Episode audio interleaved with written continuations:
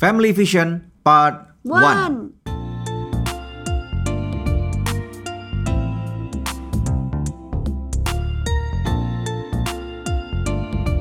Kamu lagi dengerin podcast Love Revolution.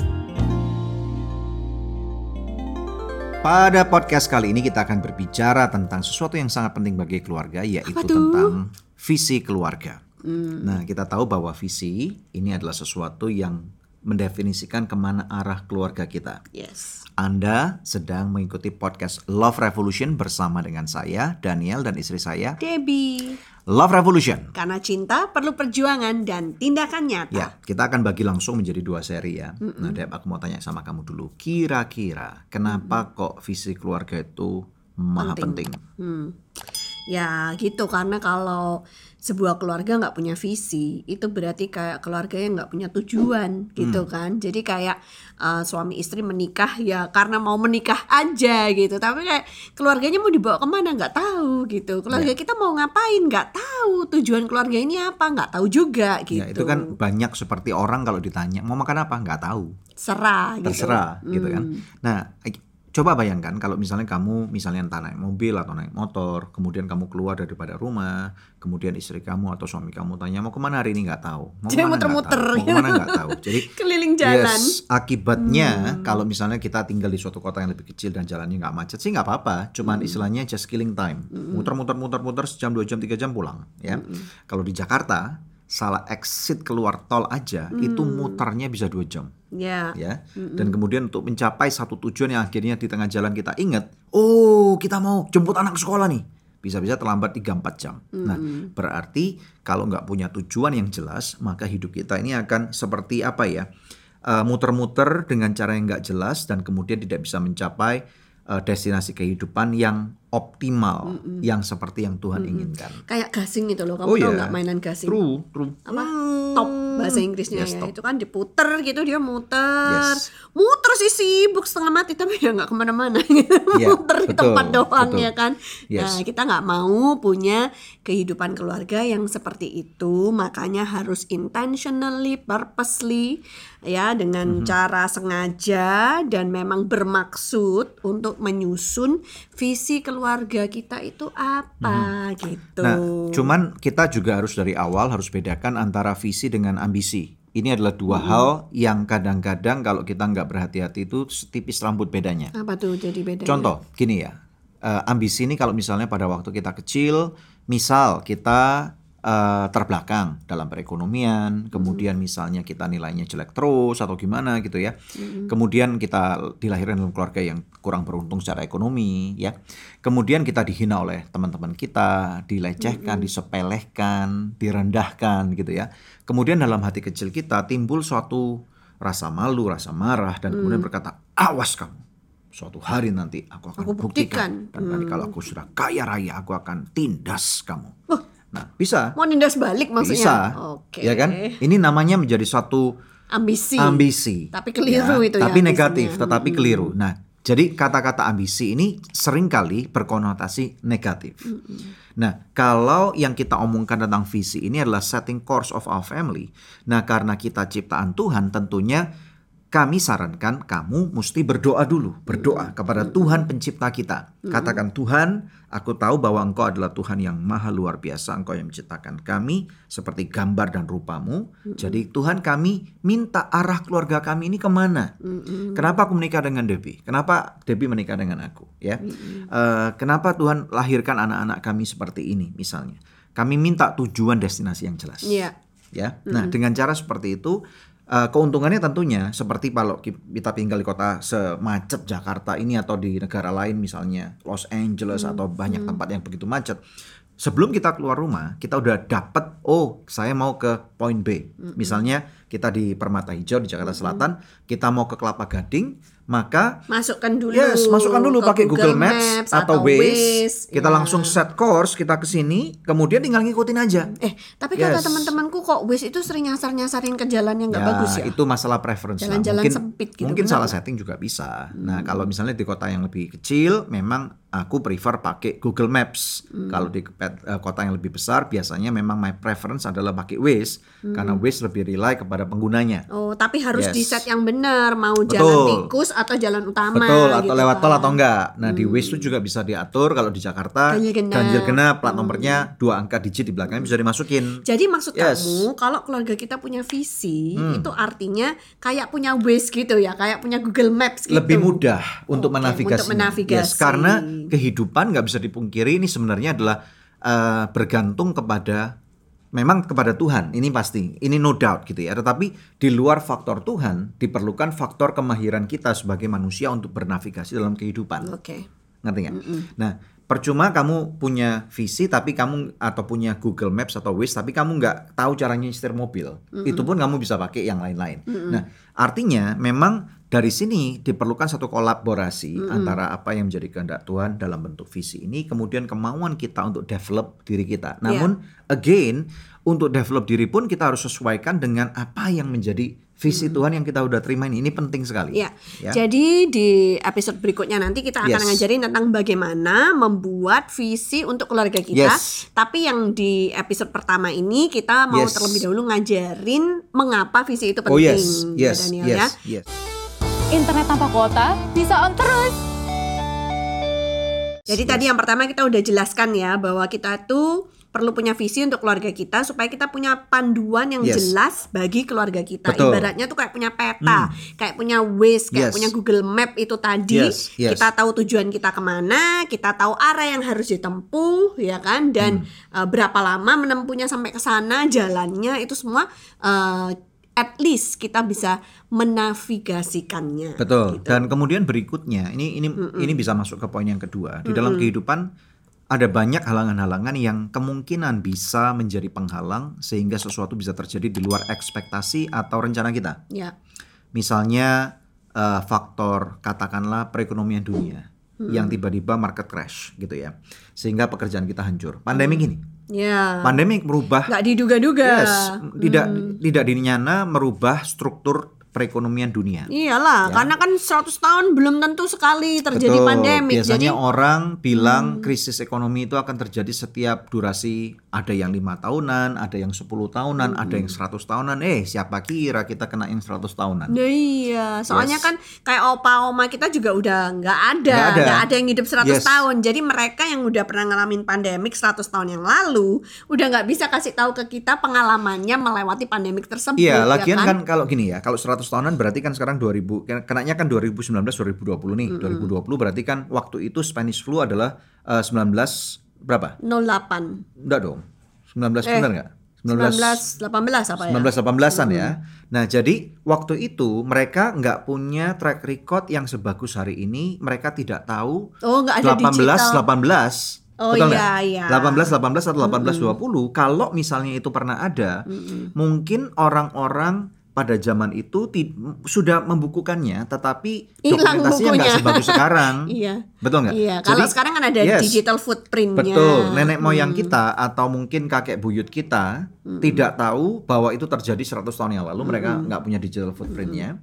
Sedangkan mereka juga nggak ngira bahwa ini akan terrepetisi 100 tahun kemudian. Iya.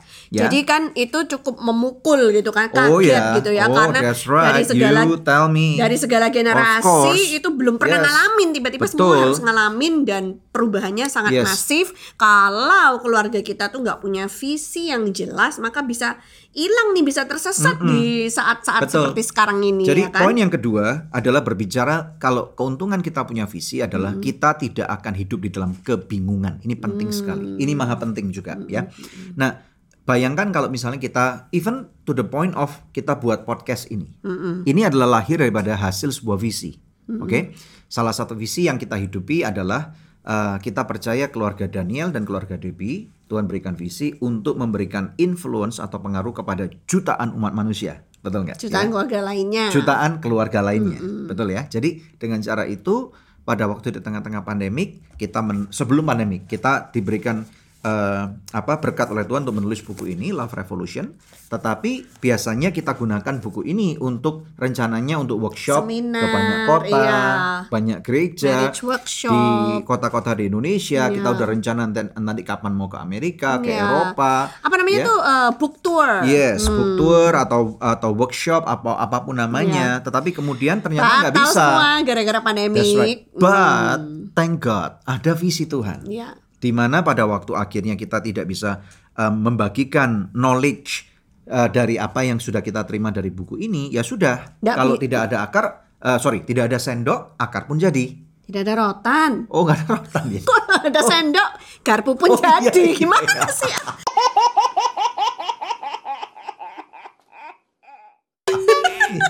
Betul. Nggak ada sendok jadi Kok ikut ketawa? Jadi gimana? Iya betul. Beda Kalau tidak ada tuh. apa tuh? Nggak ada rotan, Rotan, akar pun jadi. akar pun jadi, betul kan? ada sendok, garpu pun Yes, jadi. betul. Jadi maksudnya meskipun Yes. kami kemudian tidak bisa mengajarkan dengan buku fisik ini yang harus Hmm. dibawa keliling Indonesia atau keliling ke mancanegara, tapi kami nggak kehabisan akal Hmm. Yes. bisa menggunakan eh, podcast Love Revolution ini. ya Hmm. Karena cinta kan? perlu perjuangan dan, dan tindakan nyata. Jadi ini wujud cinta kami dan tindakan nyata kami buat keluarga-keluarga yang ada di Yes. luar sana, ya Yes. kan supaya tetap bisa diperlengkapi meskipun menghadapi Betul. kondisi yang sangat sulit seperti sekarang Betul dan ini. juga memberikan satu contoh buat anak-anak kami, anak-anak kita. Ya, anak-anak kita jadi tahu bahwa orang tuanya tidak mudah menyerah. Menyerah. Begitu aja, ya. Nah, jadi generasi muda kita, generasi penerus kita perlu melihat satu resilience atau ketangguhan daripada generasi sepen- eh, Sebelumnya. ya. Bagaimana kita dapat memberikan contoh selama kita masih hidup bahwa kita nggak nyerah kok. Orang tua kamu nggak nyerah, ya. Jadi Ya. karena adanya visi, kita memang hidup di dalam ada kebingungan, tetapi setelah masa bingung itu sedikit eh, lewat, kita mulai teradaptasi dengan kondisi pandemi, kita mulai berdoa, kita sempat berdoa, kita tanya kiri kanan, kita do market research, kemudian kita lihat apa yang menjadi kebutuhan, kita tangkap dari passion yang Tuhan berikan, visi yang Tuhan berikan selama bertahun-tahun dalam kehidupan kami berdua. Akhirnya puji Tuhan muncullah lahirlah podcast Love, Love Revolution, Revolution. ini. Jadi bisa tetap on Betul, track meskipun betul, betul. uh, caranya, metodenya mungkin berbeda Yes. gitu kan ya. Nah, visi itu juga penting banget supaya apa? Uh, di saat-saat ada terjadi perubahan, perubahan itu nggak selalu buruk ya Hmm. Betul. kan. Uh, tapi bisa juga perubahan yang baik. Misalnya tuh gini, keluarga yang dulunya miskin mau makan aja susah, harus Hmm. mikir irit-irit biaya hidup gitu kan ya. Tiba-tiba misalkan menang lotre gitu kan atau apalah mendapat undian berhadiah. Jadi wah langsung berubah keadaan Hmm. Betul. ekonominya. Kalau keluarga gitu, kalau keluarga itu nggak punya visi, maka jangan heran bisa jadi sebentar aja udah habis itu Yes, berkatnya, yes, ya yes. kan? Karena dia akan hambur-hamburkan dulu Iya. nggak bisa beli, sekarang semua dibeli Iya, gitu kan ya. bukan bukan cuman orang yang dapat lotre lah, tapi juga orang-orang yang tiba-tiba pekerjaannya Tiba-tiba kaya sangat diberkati, gitu ya. sangat diberkati dan kemudian dalam waktu hitungan bulan tiba ada wood 180 derajat Iya, berubah dan itu iya. bisa kehilangan kaget Iya. karena kekayaan yang datang itu apa ya seperti membuka tabir-tabir baru yang sebelumnya mereka nggak pernah tahu, mereka bisa ketemu dengan orang-orang yang sebelumnya mereka nggak pernah bisa jangkau atau pergi ke tempat-tempat yang Iya. sebelumnya mereka nggak pernah tahu atau ada satu ranah dunia baru yang selama ini mereka nggak pikir ada. Lah iya. Betul. Terus habis itu nanti kalau apalagi ini cowok-cowok gitu kan, para suami Kok gitu cowok kan. terus sih? Ya, Ayo. soalnya biasanya yang dikelilingi wanita-wanita cantik gitu kan kalau udah berduit itu ah, ada ada uang abang disayang nggak ada uang abang ditin- Oh. ditendang kan gitu Ya, tapi juga banyak jadi juga, eh, langsung eh, itu apa namanya cewek-cewek pada ngumpul kan cari sugar daddy Oh, gitu iya. loh jadi kalau nggak punya visi dalam keluarganya pasti gampang sekali terpengaruh dan jatuh dalam True. dosa Betul. Nah, kalau itu benar. kan? Ya, tetapi ada juga ibu-ibu yang atau istri-istri yang kerjanya cuma shopping melulu, mempercantik diri melulu Ya, ya. itu juga Dan kemudian boleh. pergi apa namanya? oplas gitu ya. Betul kan? Iya. Ya, istilahnya sampai modelnya pokoknya mukanya Berubah. berubah total. Nah. Nah, ini nih warning nih disclaimer ini kepada with all due respect kepada para dermatologis di luar sana. Eh, banyak orang-orang yang tampaknya sudah tidak apa ya natural lagi. Memang mereka bisa jauh lebih cantik, tetapi kenceng terlalu kenceng Ada sampai ngomongnya itu pun aneh. Ada- kalau ketawa katanya nggak boleh ngakak katanya Kenapa? lepas jahitan Kamu awas lepas loh. enggak aku nggak ada jahitan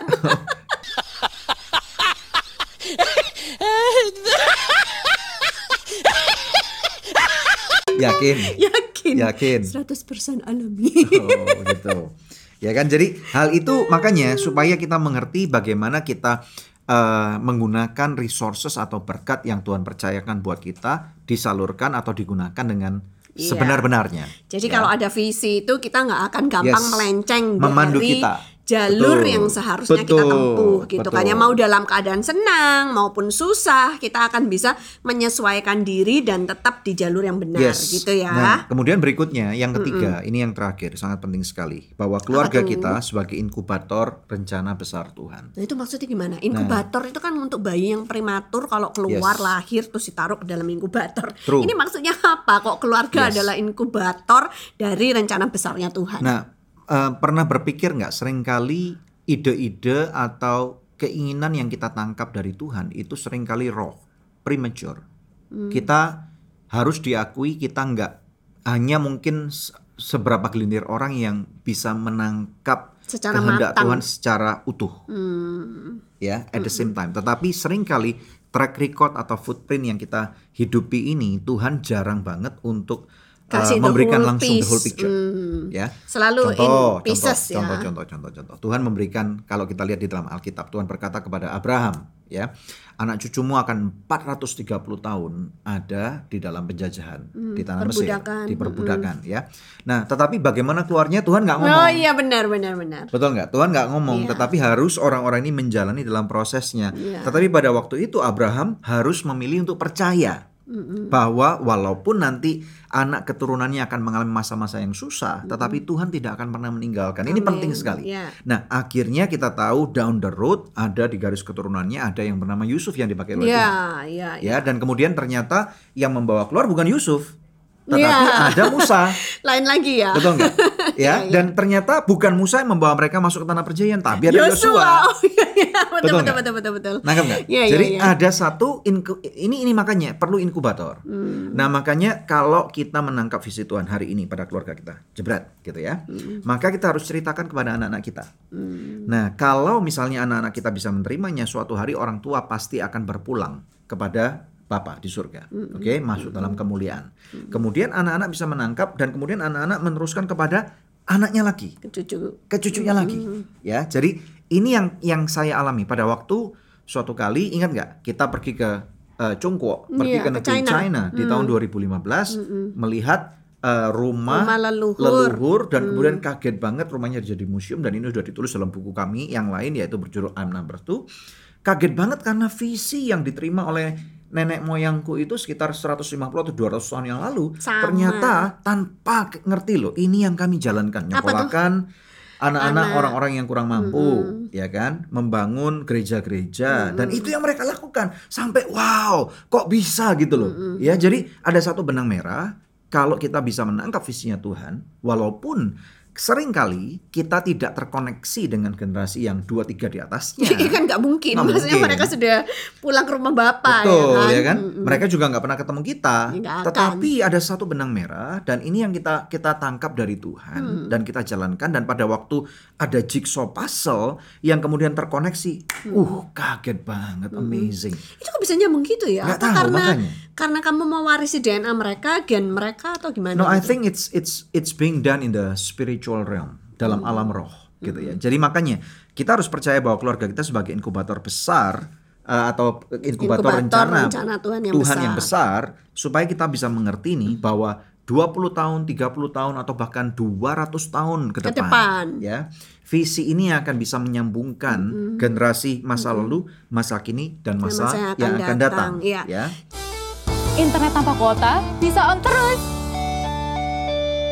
Jadi kalau misalkan sekarang di rumah kita itu Yes. masih ada anak-anak yang kecil-kecil yang Hmm. belum kelihatan uh, wujudnya, bentuknya, besok keberhasilannya akan Yes, seperti apa ketika exactly. mereka dewasa jangan pernah memandang rendah Yes. karena keluargamu sekarang sedang dipakai oleh Tuhan untuk menjadi inkubator. Hmm. Siapa tahu mereka akan menjadi penemu-penemu berikutnya Yes. yang menemukan hal-hal besar untuk disumbangsikan buat uh, apa namanya Bangsa negara ini. human race Yes. ya kan? Yes. dan juga untuk bangsa Indonesia tentunya. Betul, betul. Siapa tahu nanti di antara anak-anak yang masih kecil-kecil itu akan terlahir pemimpin-pemimpin bangsa yang luar biasa Oh, yang akan yes. memimpin negeri kita ini. Right. Pengusaha-pengusaha yang That's right. berhasil, ilmuwan-ilmuwan, atlet-atlet ya kan Betul. yang membawa harum nama bangsa kita. Jadi Mhm. nggak bisa tahu gitu loh ya. Makanya diperlukan visi.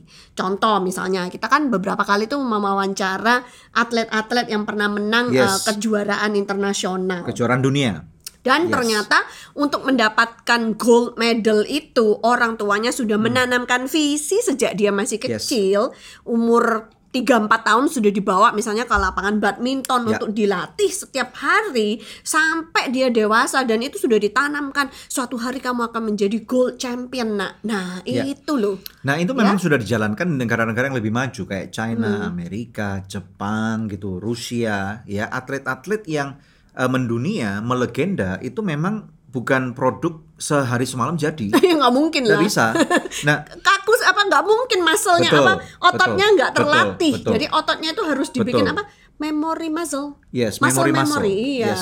Nah, jadi maksudnya pada waktu kita udah menerima visinya Tuhan bukan berarti kita kemudian diem aja dan tidak melakukan apa-apa. Kita tetap harus Tetapi kita harus melakukan bagian bagian kita. kita, Yes. dan kita memang harus bayar harga. Yes. Tetapi istilahnya at least kita akan eh, menggunakan track record yang ada Yeah. atau menggunakan eh, apa ya path right atau atau roadmap yang Jalurnya. ada, jalur yang ada untuk masuk ke sana, Yeah. gitu loh ya. Yeah. Nah, jadi makanya eh, ada tertulis juga kata-kata mutiara mengatakan hidup dan matinya kamu itu ada pada ujung lidah kamu. Apa yang kamu bicarakan itu akan menjadi eh, seperti eh, benih yang kamu eh, semai di dalam sebuah tanah Iya, dan iya. hidup kamu adalah tanahnya Iya, itu, iya. gitu ya. Dan tiba-tiba aku tuh teringat ya, Kenapa? bagaimana kalau misalkan sekarang ini ada anak-anak yang sudah mulai beranjak dewasa, terus Hmm. mereka menyadari ketika nonton podcast kita, wah mama papaku nggak pernah tuh nanemin visi kayak gini dalam hidup aku Ya. sejak aku kecil. Jadi sekarang aku kayaknya hidupnya ya biasa-biasa aja, gini-gini Hmm. doang gitu, nggak tahu arah tujuan mau ke mana. Nah itu apa yang harus mereka lakukan seandainya dari kecil mereka belum ditanamkan Kalau- visi dalam keluarga mereka? Kalau mereka memang orang tuanya tidak mempunyai visi dan tidak pernah ngomong soal ini dan tidak mengerti, ya kita nggak bisa nyalahkan ini dulu. Nggak, Ya. Jangan salahkan generasi atas kamu. Udah deh, forget it, move on aja. Kamu sekarang uh, bangun hubungan yang benar dengan Tuhan. Tanya sama Ini dulu, Tuhan ini apa dulu, visi ya. Jadi ingat hidupku? jangan berambisi tetapi bervisi. Oke? Bangun hubungan yang benar dengan Tuhan, kemudian kamu renungkan, berdoa. Nah, selanjutnya kamu akan mulai menangkap, mendapatkan visi Tuhan dan kamu akan titik awal itu ada di tangan kamu nih. Hmm. Ya. Jangan heran nanti tiba-tiba Tuhan akan bukakan mungkin eh, nenek moyang kamu 3 4 5 generasi sebelumnya eh ternyata sudah sudah mendapatkan sesuatu daripada Tuhan. Jadi bisa aja Tuhan akan membypass orang tua kamu untuk masuk ke visinya melalui kamu. Nah, Hmm. caranya bagaimana? Nanti kita akan bahas di berikutnya. Episode berikutnya. Ya, di episode berikutnya. Tetapi ingat, hidup dan matinya kamu ada di ujung lidah kamu. Kalau siapa suka mengemakannya, kamu Dia akan mengemakannya makan kehidupan, buahnya. maka kamu akan memperoleh kehidupan. Kamu melakukan persiapan dengan baik, kamu akan melakukan persiapan dengan baik dan kalau kamu sebaliknya memilih untuk ngomongin yang tidak baik, ya. Kamu melakukan persiapan dengan baik, kamu akan melakukan persiapan dengan baik. Maksudnya ya, gimana? itulah ngertilah maksudnya. Kamu melakukan persiapan dengan baik, kamu akan mendapatkan hasil yang baik. Gitu Ya, dong, Itu Dan. yang aku maksudkan. Oke, nah inilah fungsinya daripada pasangan hidup untuk Penolong. complement. Oke, ya. eh, anda menyaksikan podcast Love Revolution. Karena cinta perlu perjuangan dan tindakan nyata. Sampai jumpa di episode berikutnya. Ciao.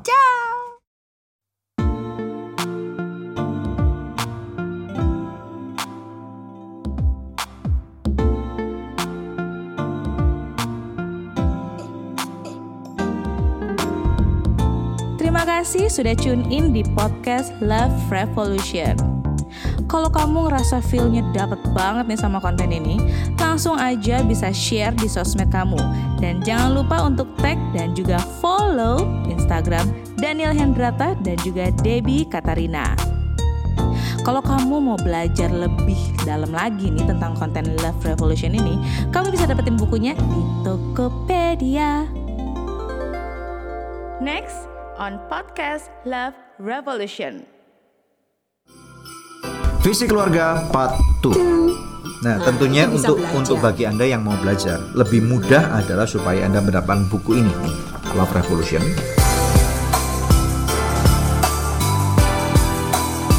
Tahu buat Anda yang misalkan hari ini berpikir bahwa oh aku belum mampu nih ninggalin warisan harta buat anak-anak. Ya. Nggak apa-apa, jangan bersedih hati. Bisa juga warisan itu dalam rupa nama baik keluarga.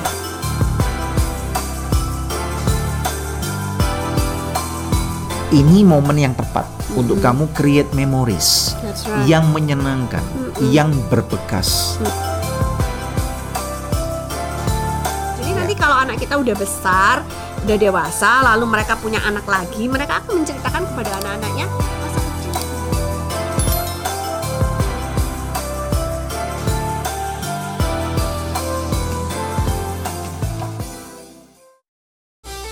Internet tanpa kuota bisa on terus.